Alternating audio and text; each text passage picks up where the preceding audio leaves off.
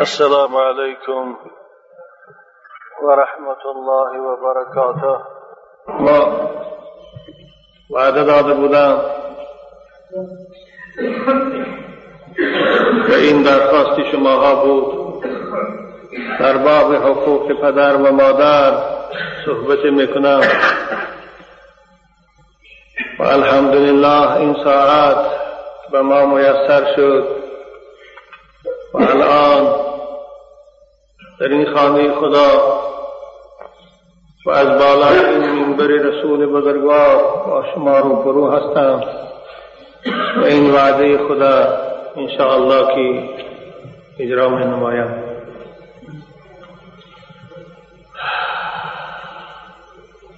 برادر مکتوب نوشته بود و در مکتوب بود از رفتار بعض پسرها این روزها فلا وما نرى مثل احترام مثلا وحتى بعض الرعاة كبر فلا وما نرى مثل قارعة وقام مثلا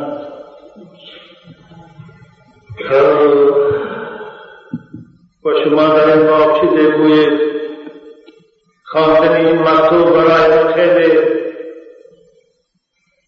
دشوار بود.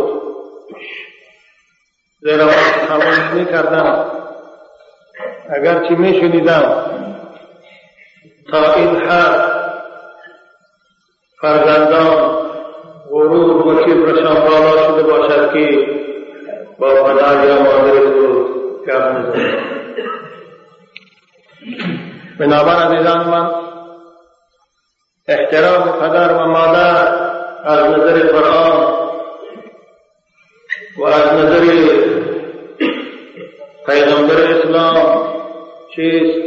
بر بالای فرزند الان شما از بالای این منبر رسول اکرم آن را میشنوید و از این صحبت امروزی من اگر از بین جوانای امت چند هم مؤثر شوند و بروش بیایند و احترام حضور مادر بجا بیایند من برای مسئله سعادتی بزرگ الحمد لله رب العالمين يا ربي إنا نسألك علما نافعا وقلبا خاشعا ولسانا ذاكرا وعينا دامعا وعملا متقبلا پروردگارا برای ما طالب علمها علم با عمل نصیب و روزی گردد خدایا برای ما بندگان و خصوصا برای این عاشقان مدرسی محمدی زبانی که گویای به ذکر تو باشد نصیب کردم و چشمی که از خوف تو میریخته باشد. خدایا نصیب کردم خدایا برای ما بندگان توفیق عطا فرما برای بندگی کردن و عمل کردن که آن عملها مقبول درگاه تو باشد. اللهم ارزقنا. اللهم ارزقنا. من الحلال. وباعد بيننا وبين الحرام. خدایا برای ما از وجه حلال. رزق. ثروت مال نصیب کردم خدایا بین ما و بین مال حرام. دوریه عطا فرما دوریه مقدر گردان. که مانندی دوری بین مشرق و مغرب باشد. خدایا برای ما فرزندان توفیق عنایت فرما احترام پدر و مادر و خدمت ایشان را بزرگ کرد۔ خدایا پدرای ما را و مادرای ما را مغفرت ما۔ و در این دنیا خیلی صحت و حیات با سعادت قرآن و در آخرت خدایا داخل جنت جاودانیشان کن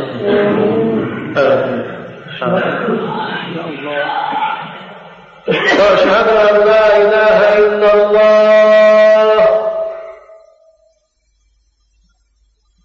يقول الله تعالى في الحديث القدسي الجليل أنا الله وأنا العزيز ومن أراد عز الدارين فليطع العزيز. پروردگار در این حدیث قدسی به بندگانش اعلام می دارد که ای بندگان من خدای شما و معبود شما من هستم. و عزیز غالب و توانا به هر کار من هستم. و هر کدام از شما می‌خواهید عزت را هم در این دنیا و هم در آخرت. بس بدانید عزت دنیا و آخرت در عبادت من است و در بندگی من است. آره سعدی می‌گوید خدا رحمت شما کند عزیزی و خالی ببخشی و عزیزی و خالی ببخشی و عزیزی و خالی نبیند عزت از جانب خدا فيبتغون عندهم العزة فإن العزة لله جميعا شما از مردمها عزت کنید دارید شما از مذهبنرها و سرورمندها عزت از جانب خدا.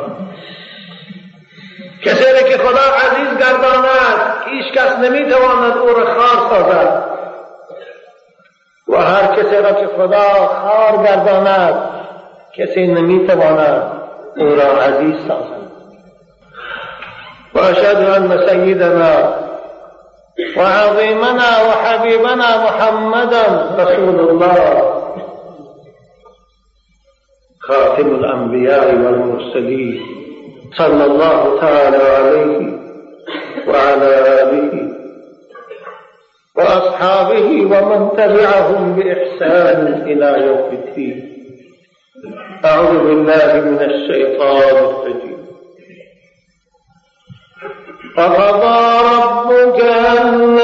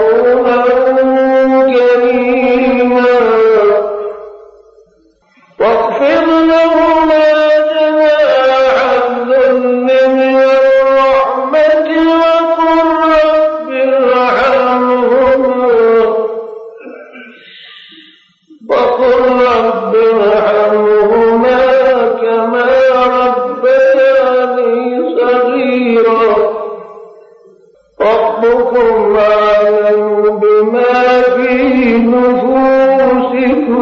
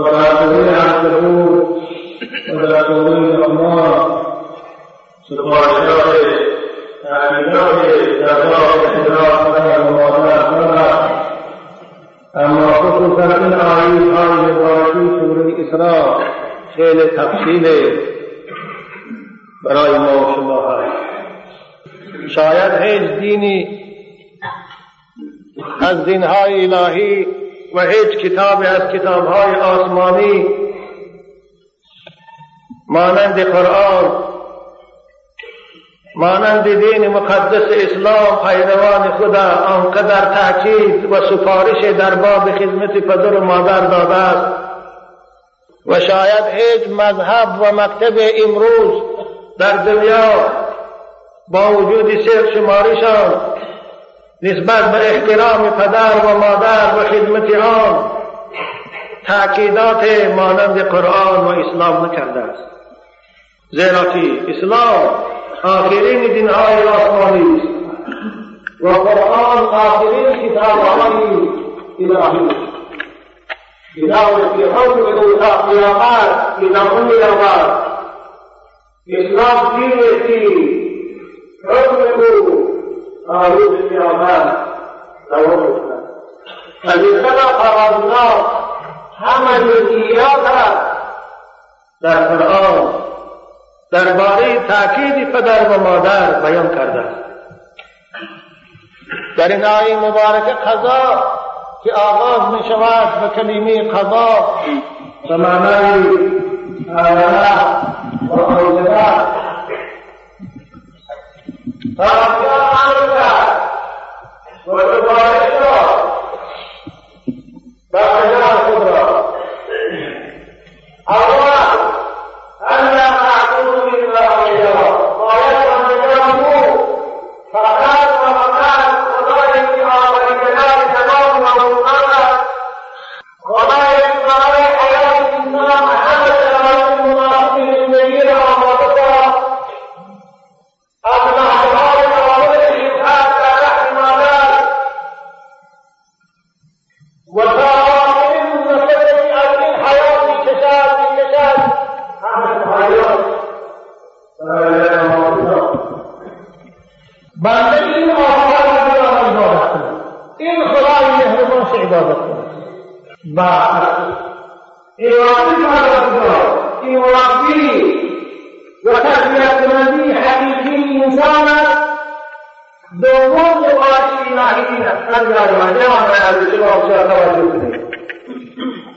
وبالوالدين إحسانا وقضى بالوالدين إحسانا خدا امر کرد خدا فهم گردانی خدا حتما واجب گردانید بالای فرزندان که پدر و مادر خدا احترام کنند پدر و مادر خود دوست دارند پدر و مادر خود خدمت کنند خصوصا در ایامی که پدر و مادر به سن کهنسالی می‌رسند به سن می‌رسند که خود از کار کردن و از درآمد آوردن.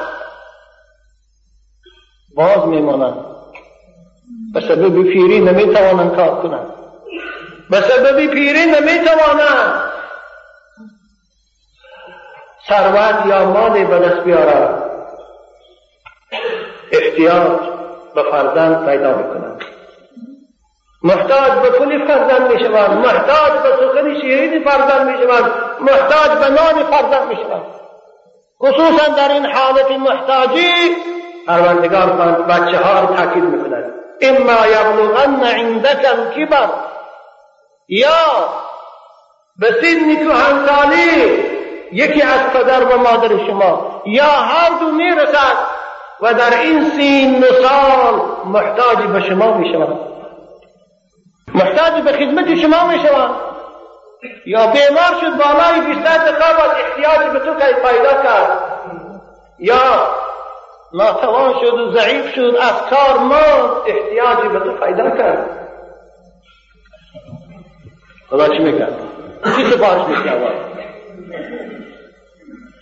فلا تقل لهما أف ولا تنحرهما أول پروردگار از گفتاری به آدابانه ما و شما را من کرد ایستاده این هر دو یکی برای گفتار است فلا تقل لهما افین یکی برفتاری به آدابانی ما روانه است خدا میگه فلا تقل لهما افین بس شما در وقتی خدمت کردن پدر و مادر نگویی.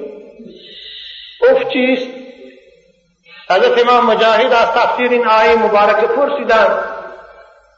حضرت گفتند اذا رأيت منهما الغائط والبول في أيام الشيخوخة كما رأي منك في أيام الصغر فلا تقدرهما ولا تقم لهما اف حضرت امام مجاهد گفتن وقتی که تو پدر بیمار است بستری است احتیاجی به قضای حاجت بشود. تو فرزند خواه بچه خواه دختر حق داری قضای حاجتی. پدرت می‌گیری یا مادرت می‌گیری پیشاب شد. وقتی که اونو می‌گیری به بیرون میبراری در وقتی برآوردن مبادا بوی ناخوش در مشام تو رسد در پیش پدر اف نگو. یا اینکه بینی خود با دست نپوشا. برای چی؟ برای چی؟ حضرت میگن کما رأی امین که صدق این حالت پدر و مادر از تو بسیار دیدن در وقت خرسانی تو خردکک بودی. تر می‌کردی. اونها حتی در نمی دسترگاه بود نفرم نمی کردن نجاستی تو رو تازه می‌کرد؟ حتی مادر به دستی که خوراک می‌خورد به همون دست نجاستی تو رو میشوش. اف بگفت یا الله. فقط تو به او رو برداشته بیرون بردن اف می‌گویی. فلا تقل لهما اف پروردگار در اینجا از سخنی به آدابانه که مجردی کلمه اف باشد سبب آزار یافتن دل پدر یا مادر شود ما و شما را من کرد. ولا تنهرهما. پدر و مادر با درشتی با رفتاری دقلانه از خود نرنجان. اصل معنای نهر پیسانده عرب ها دست افشانده نمی‌گوین وقتی که پدر و مادر به تو سپارش می‌دهد باید که به سوی پدر و مادر دست نافشان. حالا ما وقت ندارم نگو از همه وقل لهما قولا كريما برای پدر و مادر با آدابانه سخن گو برای پدر و مادر مهربانانه سخن گو سخنی که دل اونها را سازد قولا کریما ابن عباس رضی الله تعالی عنه را پرسیدند مراد از این سخنی خوب سخنی ملایم چیست؟ حضرت گفتند ماننده که در پیش حاکم های خود چگونه با و راست میسته چگونه در نزد سردار با باید عربت راست میسته نجومیده باید هو يوسف النبوية أواصل المباومة تابعي كلام على الحمد تابعي كلام على الحمد تابعي واحفظ لهما جناح الظل من الرحمة. فهذا جناح ولا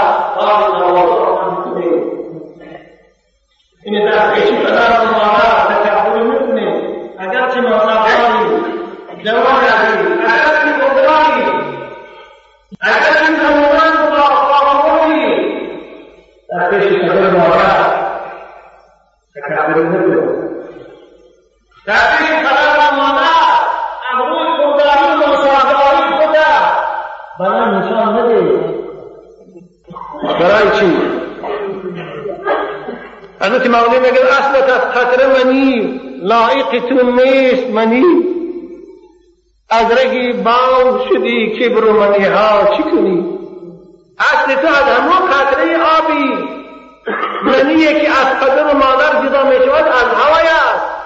آیا به تو می در حضور پدر و مادر دعوای منی کردن. آیا به تو می که در پیش او دعوای کلانی کنی؟ اصلت از خطر منی لائق تو نیست منی. از رهی باو شدی کبر و منی ها چی کنی؟ تو همان جیفه این حسن جمال تو از اوست. تو همان پلیدی همون قطره آب استی که در وقتی جدا شدن از بدن پدرتون ناراحت می‌شد خوش ناراحت حساب می‌کرد. اما امروز این حسن کمال این زیبایی و این قوتی که می‌بینی اول از خداست دویم تربیه پدر مادر بود. تربیه همین مادر بود. بیدارخوابی های همین مادر بود. رنج و ریاضت های همین مادر و پدر بود که تو امروز صاحب همه چی شدی. همان جیفه ای این حسن و کمال تو از اوست باش خاکی رهی او. میل به بالا چی کنی؟ چی آداب است که در پیش پدر یا مادر دعوایی رو نمی‌کنی؟ واخفض لهما جناح الذل من الرحمه وقل رب ارحمهما كما ربياني صغيرا پروردگار ما و شما را عزیزان من تعلیم می‌دهد. ما باید در حق پدر و مادرهای خود دعا کنیم. چی در حیاتیشان چی بعد از وفاتشان چی دعا کنیم خدا رب ارحمهما پروردگارا این پدر و مادر من رحم کن. این پدر و مادر من اهل ایمان کن. این پدر مادر من در وقت مردن به ایمان مشرف گردان تا لحظه های آخر از ایمان جداش نگردان و بعد از مردن صاحب جنتی جاویدانش گردان کما ربیانی صغیرا همچنان که اینها در کردی من تربیه کردم به وای رساندم ربکم اعلم بما فی نفوسکم. خدا میگه ای فرزندها پروردگار شما داناتر است به آن چیزی که شما در دل میگذرانید.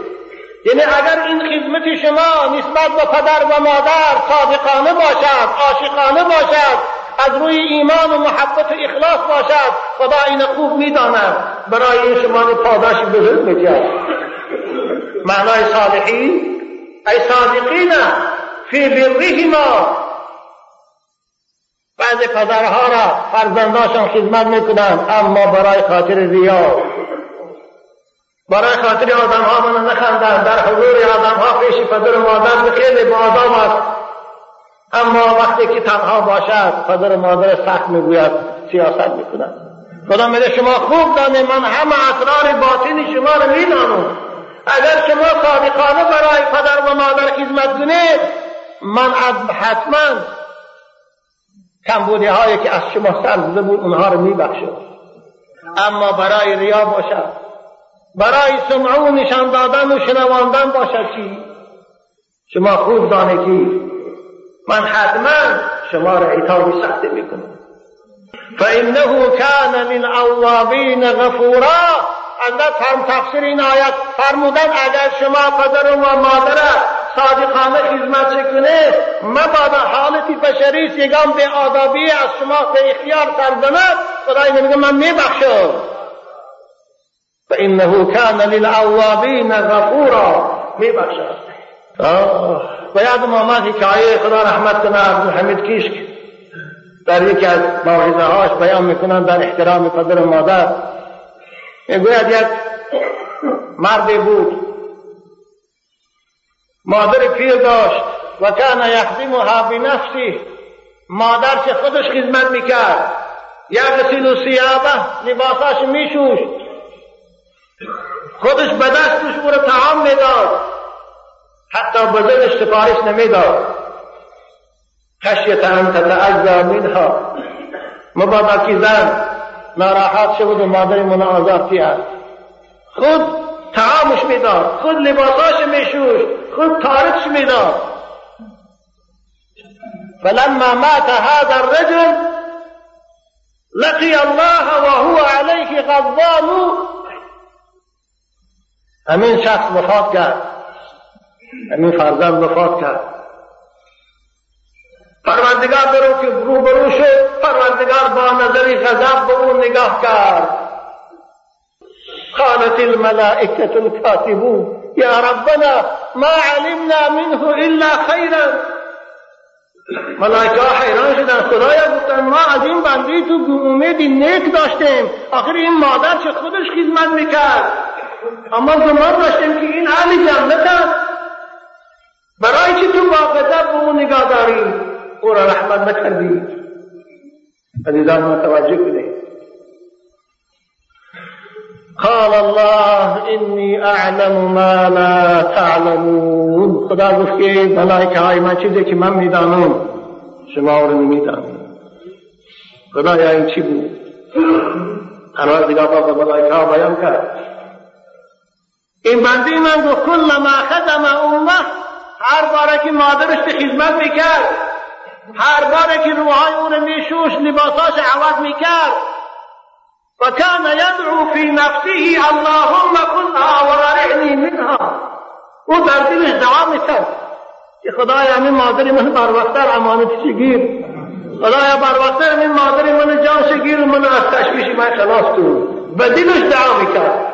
ببینید. ربكم اعلم بما في نفوسكم در ظاهر مهربان بود.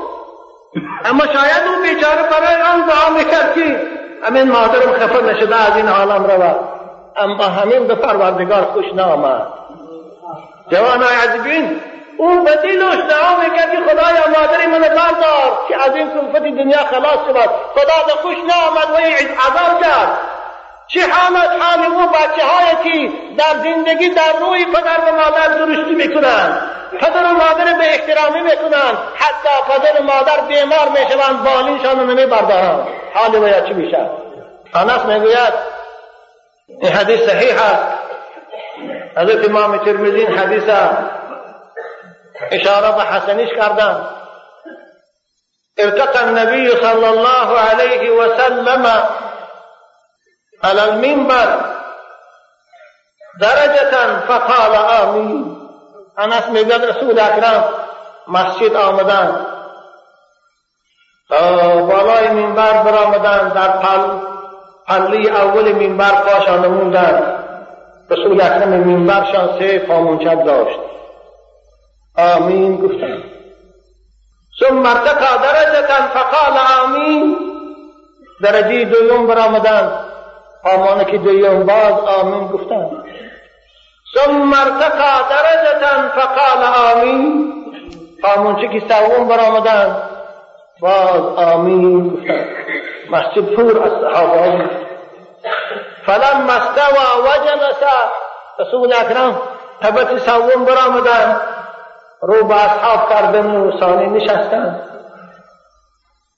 فقال أصحابه يا رسول الله على ما أمنت أصحاب گفتن یا رسول الله برای چی آمین گفتی؟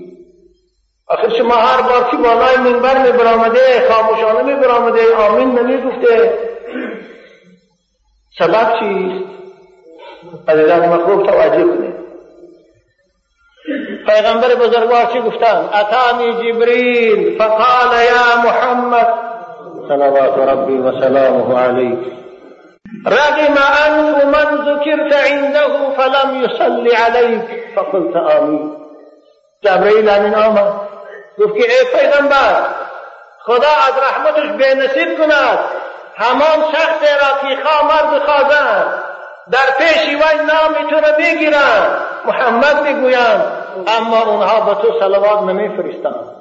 عزیزان من شنیده پروردگار فقط مجرد نام پیغمبرش شنیدن. کسی اگر درود نفرستاد او را از رحمتش به نصیب کرد. چه جایی کسانی که محمد با تحقیر یا دینی او را تحقیر می‌کنند خواه در گذشت خواه در کتاب دینی و تحقیر می‌کنند او را همچون یک فیلاساف می‌دانند. او را پیغمبرش اقرار ندارند حالی و یا چیز؟ و یا کافرند رسول اکرم نام شنیده در محفل باشد؟ شما باید اللهم صل علی محمد و علی آل محمد گویید دوم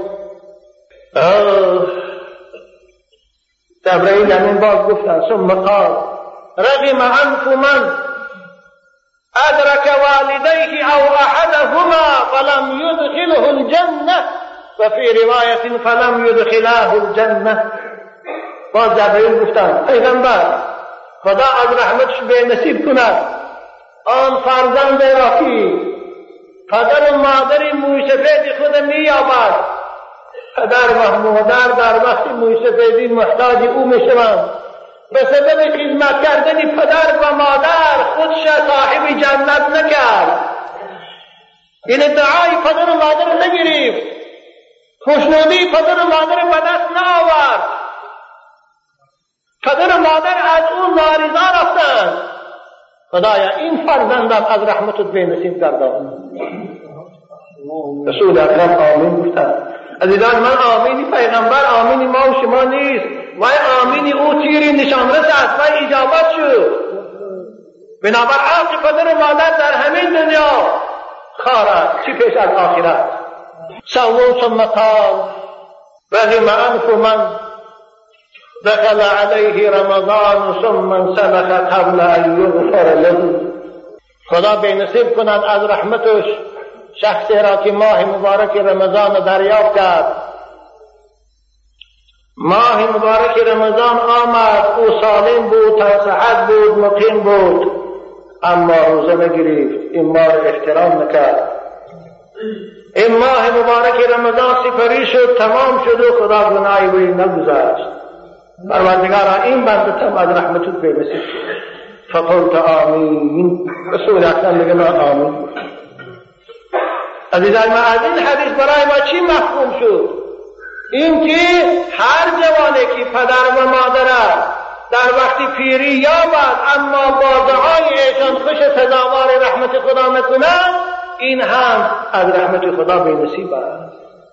از این سبب بهترین عمل در پیشگاه خدا او مای عزیز جوانای خوب بعد از نماز احترام پدر و مادر است. نماز که ستون اسلام است. نماز که یکی از رکنهای خیلی قوی ایمانداری است. که شاید هیچ عبادتی در پیشگاه خدا برابر نماز نیست. اما رسول اکرم در یک حدیث احترام پدر و مادر خدمت پدر و مادر برابر نماز کرده وعن عبد الله بن مسعود رضي الله تعالى عنه قال قلت يا رسول الله أي العمل أحب إلى الله؟ عبد الله بن مسعود میگد گفتم پیغمبر بزرگوار بهترین عمل محبوب ترین کار در پیشگاه خدا چیست مسجد سازی است؟ رستوران سازی است؟ کزینا سازی است؟ بریلیانت کلوب ساختن است؟ کدام است؟ نعوذ بالله. رسول اکرم چی گفتند أحب العمل إلى الله الصلاة على وقتها. رسول اکرم بهترین عمل. در پیشگاه خدا این نماز در وقتش خواندن است. جوان عزیز نماز در وقتش ادا کنید عبدالله بن مسعود میگه گفتم ثم قال قال ثم ای با کدام؟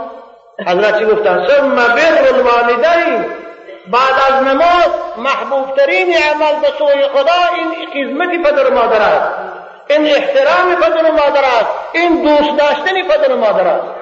این نیکی کردن به پدر و مادر است. ثم ای با کدام یا رسول الله؟ حضرت ثم الجهاد فی سبیل الله بعد از آن جهاد در راه خدا. جواب عزیز در این حدیث رسول اکرم خدمت پدر و مادر بالاتر از جهاد دانستند احترام پدر و مادر در پیشگاه خدا بالاتر است از خون خود در راه خدا ریخته. از این سبب ابو سعید خدری میگن یک جوان از یمن نزد پیغمبر خدا آمد. گفت یا رسول الله از یمن آمدم. برای خاطر آنکه با شما بیعت کنم. و در راه خدا جهاد کنم رسول اکرم گفتند وقتی که از یمن می آمدی مادر داشتی؟ آره مادر داشتم یا رسول الله. مادر تو را خوشنودانه دعا داد یا خود نارضای اونها آمدی؟ گفت نه یا رسول وقتی که آمدم اونها گریه می‌کردن حضرت گفتم بازگرد. بازگرد گفتم پیش پدر و مادرت را اونها را خدمت کن جنت در نزد اونها. ببینید در این حدیث هم رسول اکرم خدمت پدر و مادر جواب عزیز از جهاد هم بالاتر دانستند از این سبب بود یک جوان از روی خدمت پدر و مادر از امتای موسی رفیق موسی علیه السلام شد. حکایه می‌کنند ابن جزری در تاریخی در کتاب خود از ظهر فائح گفتگی کتاب دارد. می‌گوید حضرت موسی علیه السلام وقتی که با پروردگار خود مناجات می‌کرد سخن می‌کرد در یکی از مناجات ها از پروردگار پرسید که الهی ارینی رفیقی فی الجنه خدایا رفیقی من در جنت کیست از اهلی دنیا و من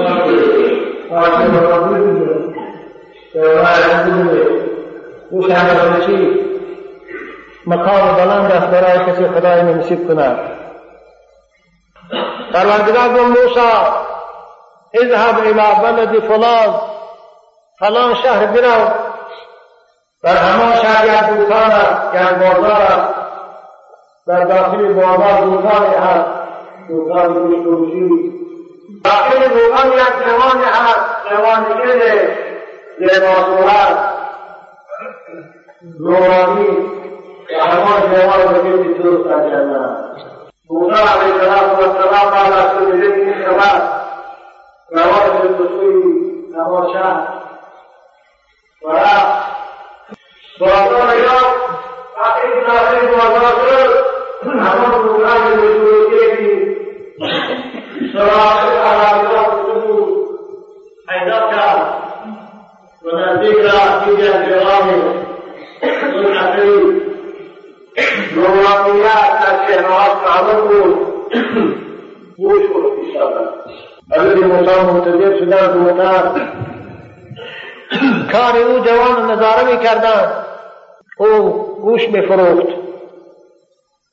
وقتی که بعد از زوال شد از همون گوشتهای آویزان جایهای ملایم شکمی در یک کاغذ گرفت و پیچان در خلطش انداخت.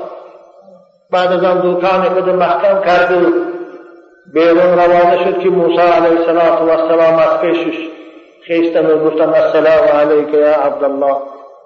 جواب و علیکم السلام. گفت جواب و سلام گرداندن موسی گفت برادر من می‌خواهم این شب با شما مهمان باشم.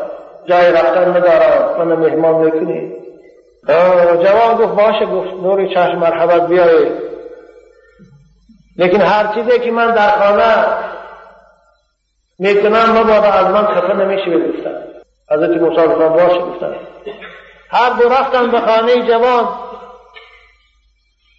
حضرت موسی علیه السلام در بیرون در زیر پشتوان سایه شیناندن به همین تریزه در و خود گوشتکای آوردگیش بالای خلاص در دکچه موندن که می آب انداختن برای جوشاندن و پزاندن به خانه در آمدن حضرت موسی در نزد تریز نشسته بود.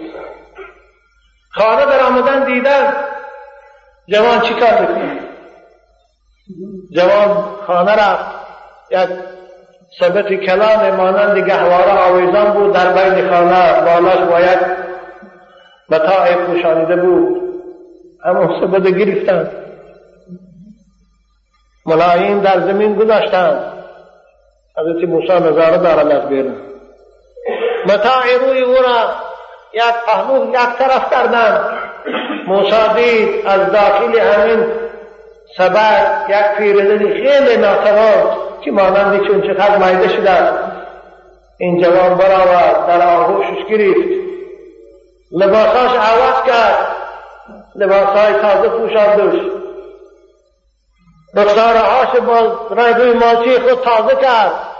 لباس تازه کرد چشماش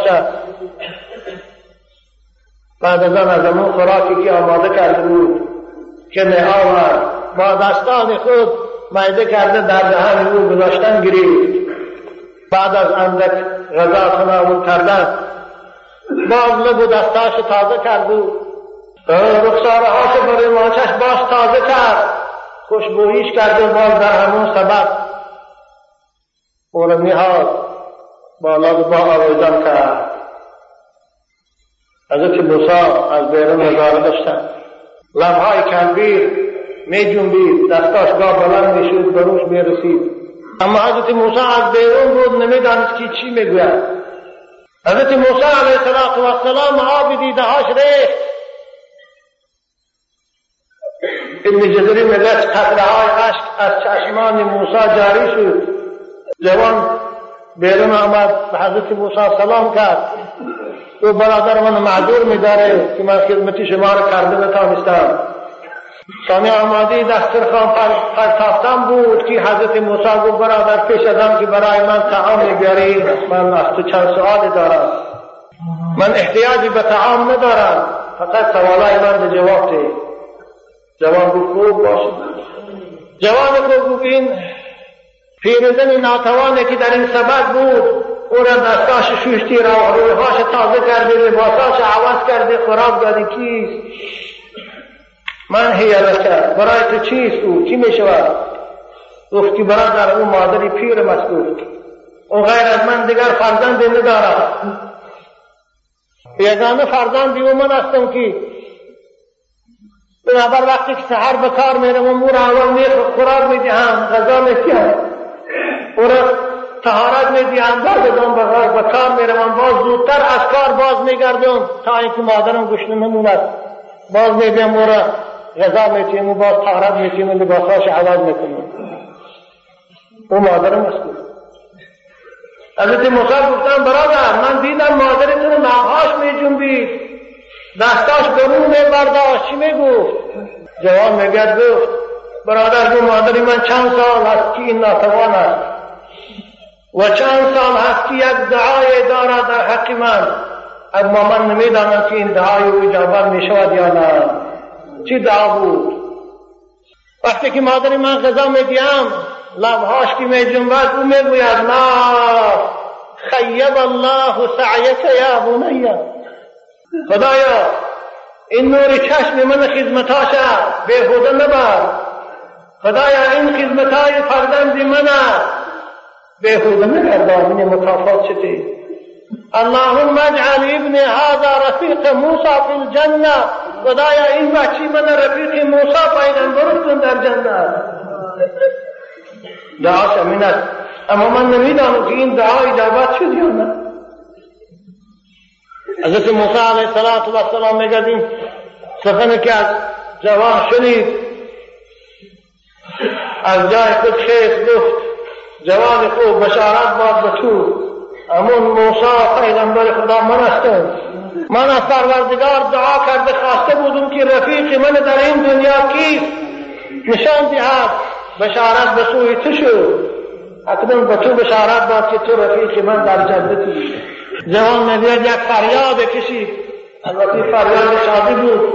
از فریاد میگه روشی علیه روشش را وقتی که به آمد دوام پیش مادر برآمد مادرش در آغوش کشید گفت مادر جان بشارت به تو را که این دعا که در حق من میکرده اجابت شد. الان موسی پیغمبر شما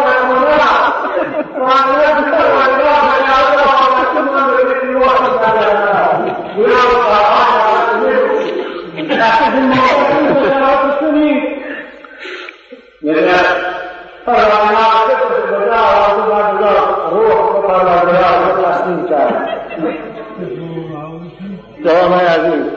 ببینه. این جوان از احترام مادر رفیق موسی شد. این جوان از احترام مادر جنتی شد دوست خدا شد.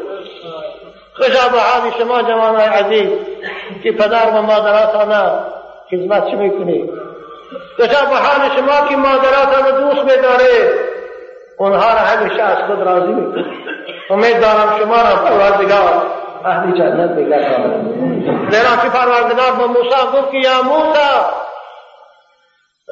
من بر والديه ليس له عندي جزاء إلا الجنة.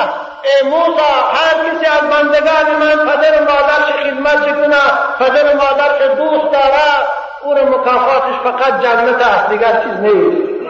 ومن عق والديه ليس له عندي جزاء الا النار و هر کسی که پدر و مادرش به حرمتی کنه آب شود او را مکافات فقط دوزخ است دیگر جای نیست.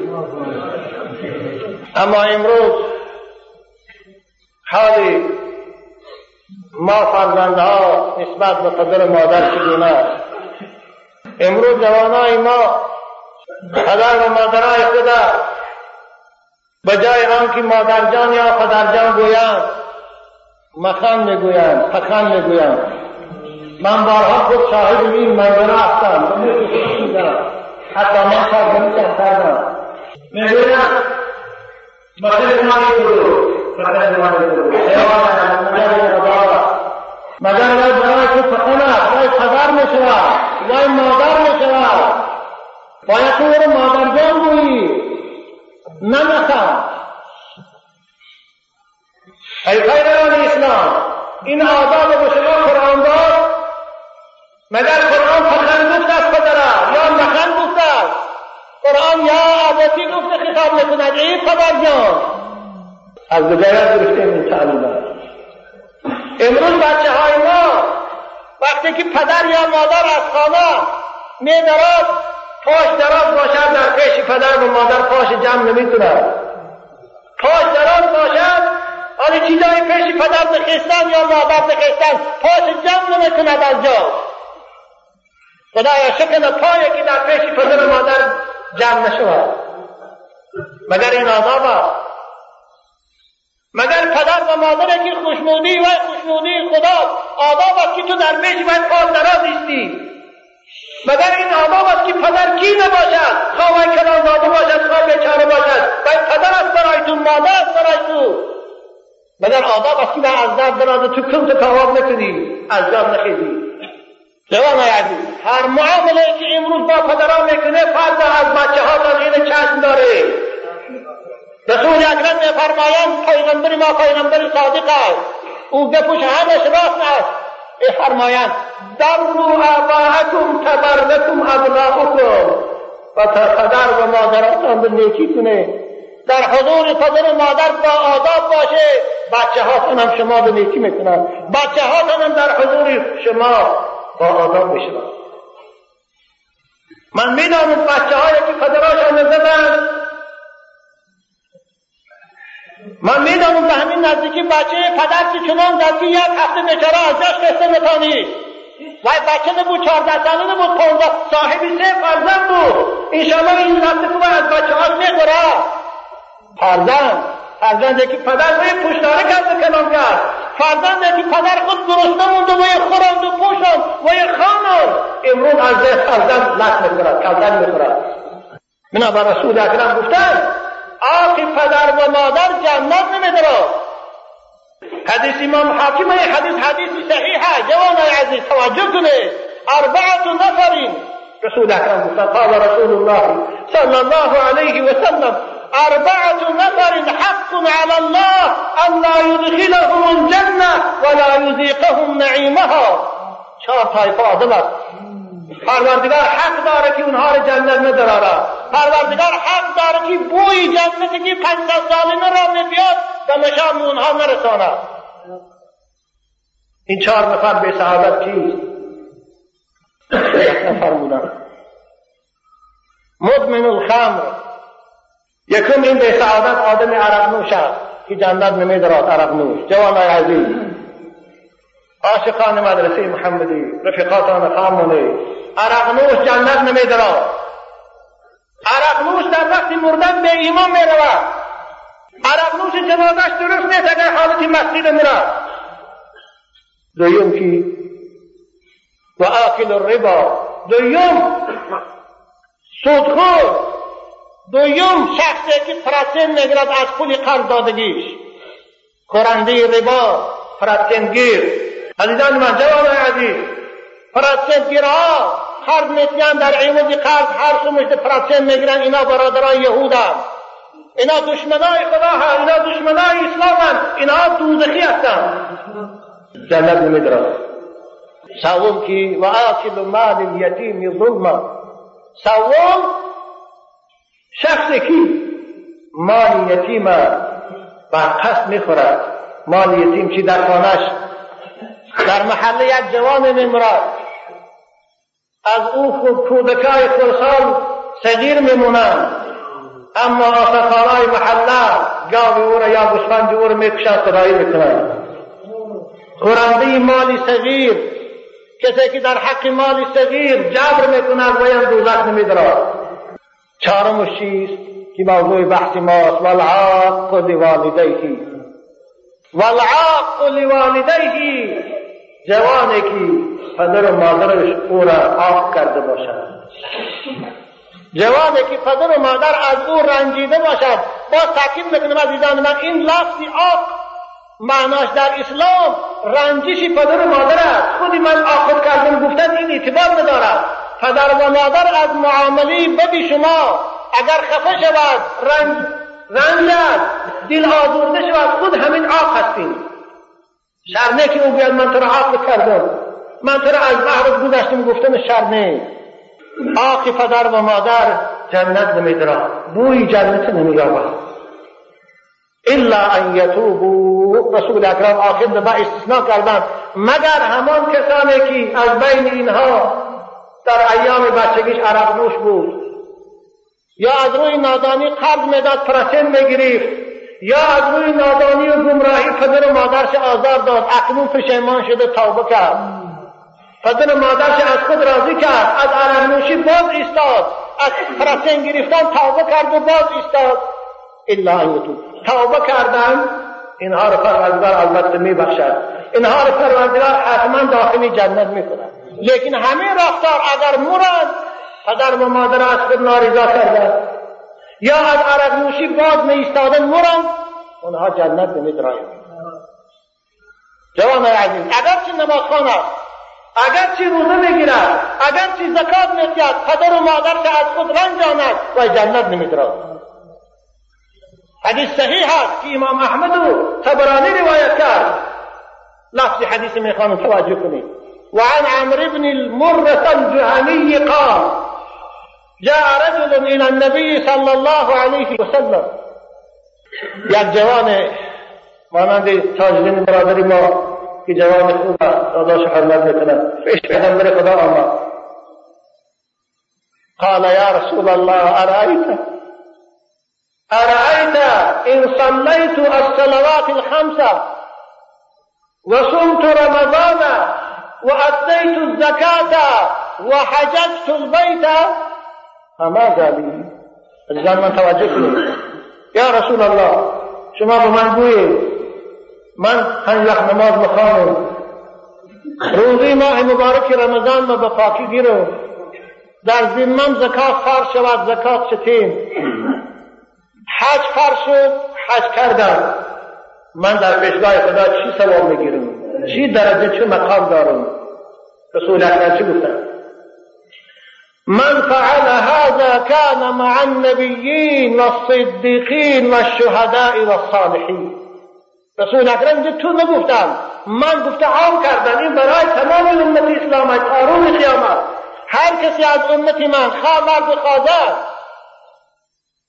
پنج وقت نماز شخانه روزی ماه مبارک رمضان شگیره زکات مال شتیه در ذمش حج فرض شود. اگر امکانیت داشته باشد حج رود. این آدم روز قیامت مع النبیین همراه پیغمبران. همراه بندگان صالح و صدیقها در جنت است. یعنی رفیق پیغمبران رفیق ابوبکر و عمر و عثمان است. رفیق علی و حمزه لیکن رسول اکرم در آخر چی گفتن؟ الا ان یعق والدیک الا ان یعق والدیک نباید همیشه. بدون مراجعه من مگر اینکه آقی پدر و مادر نباشد اگر آقی پدر و مادر باشه این نماز خانه این روز بنابراین این حدیث با ما صراحة معمول في العالم رسول الله صلى الله عليه وسلم آقی پدر و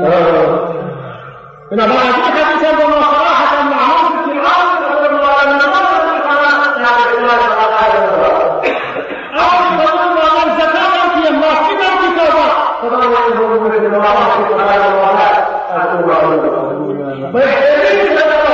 بهترین خیرات همون نفع صدقات است. همون خیرات است که اول پدر و مادر بکنیم ما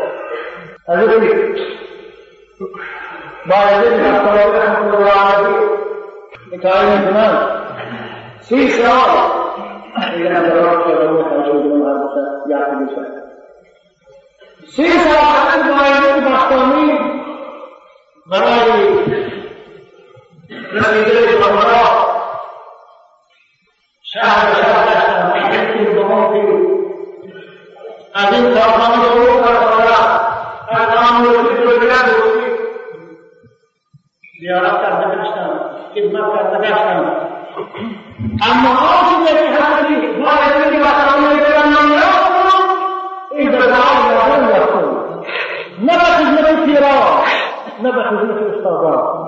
پروردگارا از این لحظه های نور رحمت و در این لحظه های دقت و ملایمی قلب از تعالی نام دعا میکنیم که از اوچه خندگاه مارکی برای ما بشارات زیاد و دیگه هستم تشویش بسیاری کشیدگی هستم بهترین پاداش که برای تربیه فرزند وعده کردیم به حضرت خدمتگاه امام مادر ما نصیب در پروردگار پیغمبر بزرگوارتون فرموده هر فرزندی که قرآن خوان شود و به قرآن عمل کنه فضل مادر او را ثواب درصد هیچی و شاعر و احکام روشنتر از خدای عظیم معبود حضرت خبرلای ما رحمات مبارک و نصیب خدای هم فرزندای مسلمان توفیق ده که مادراشان پدراشان دوستاران و احترام کنند.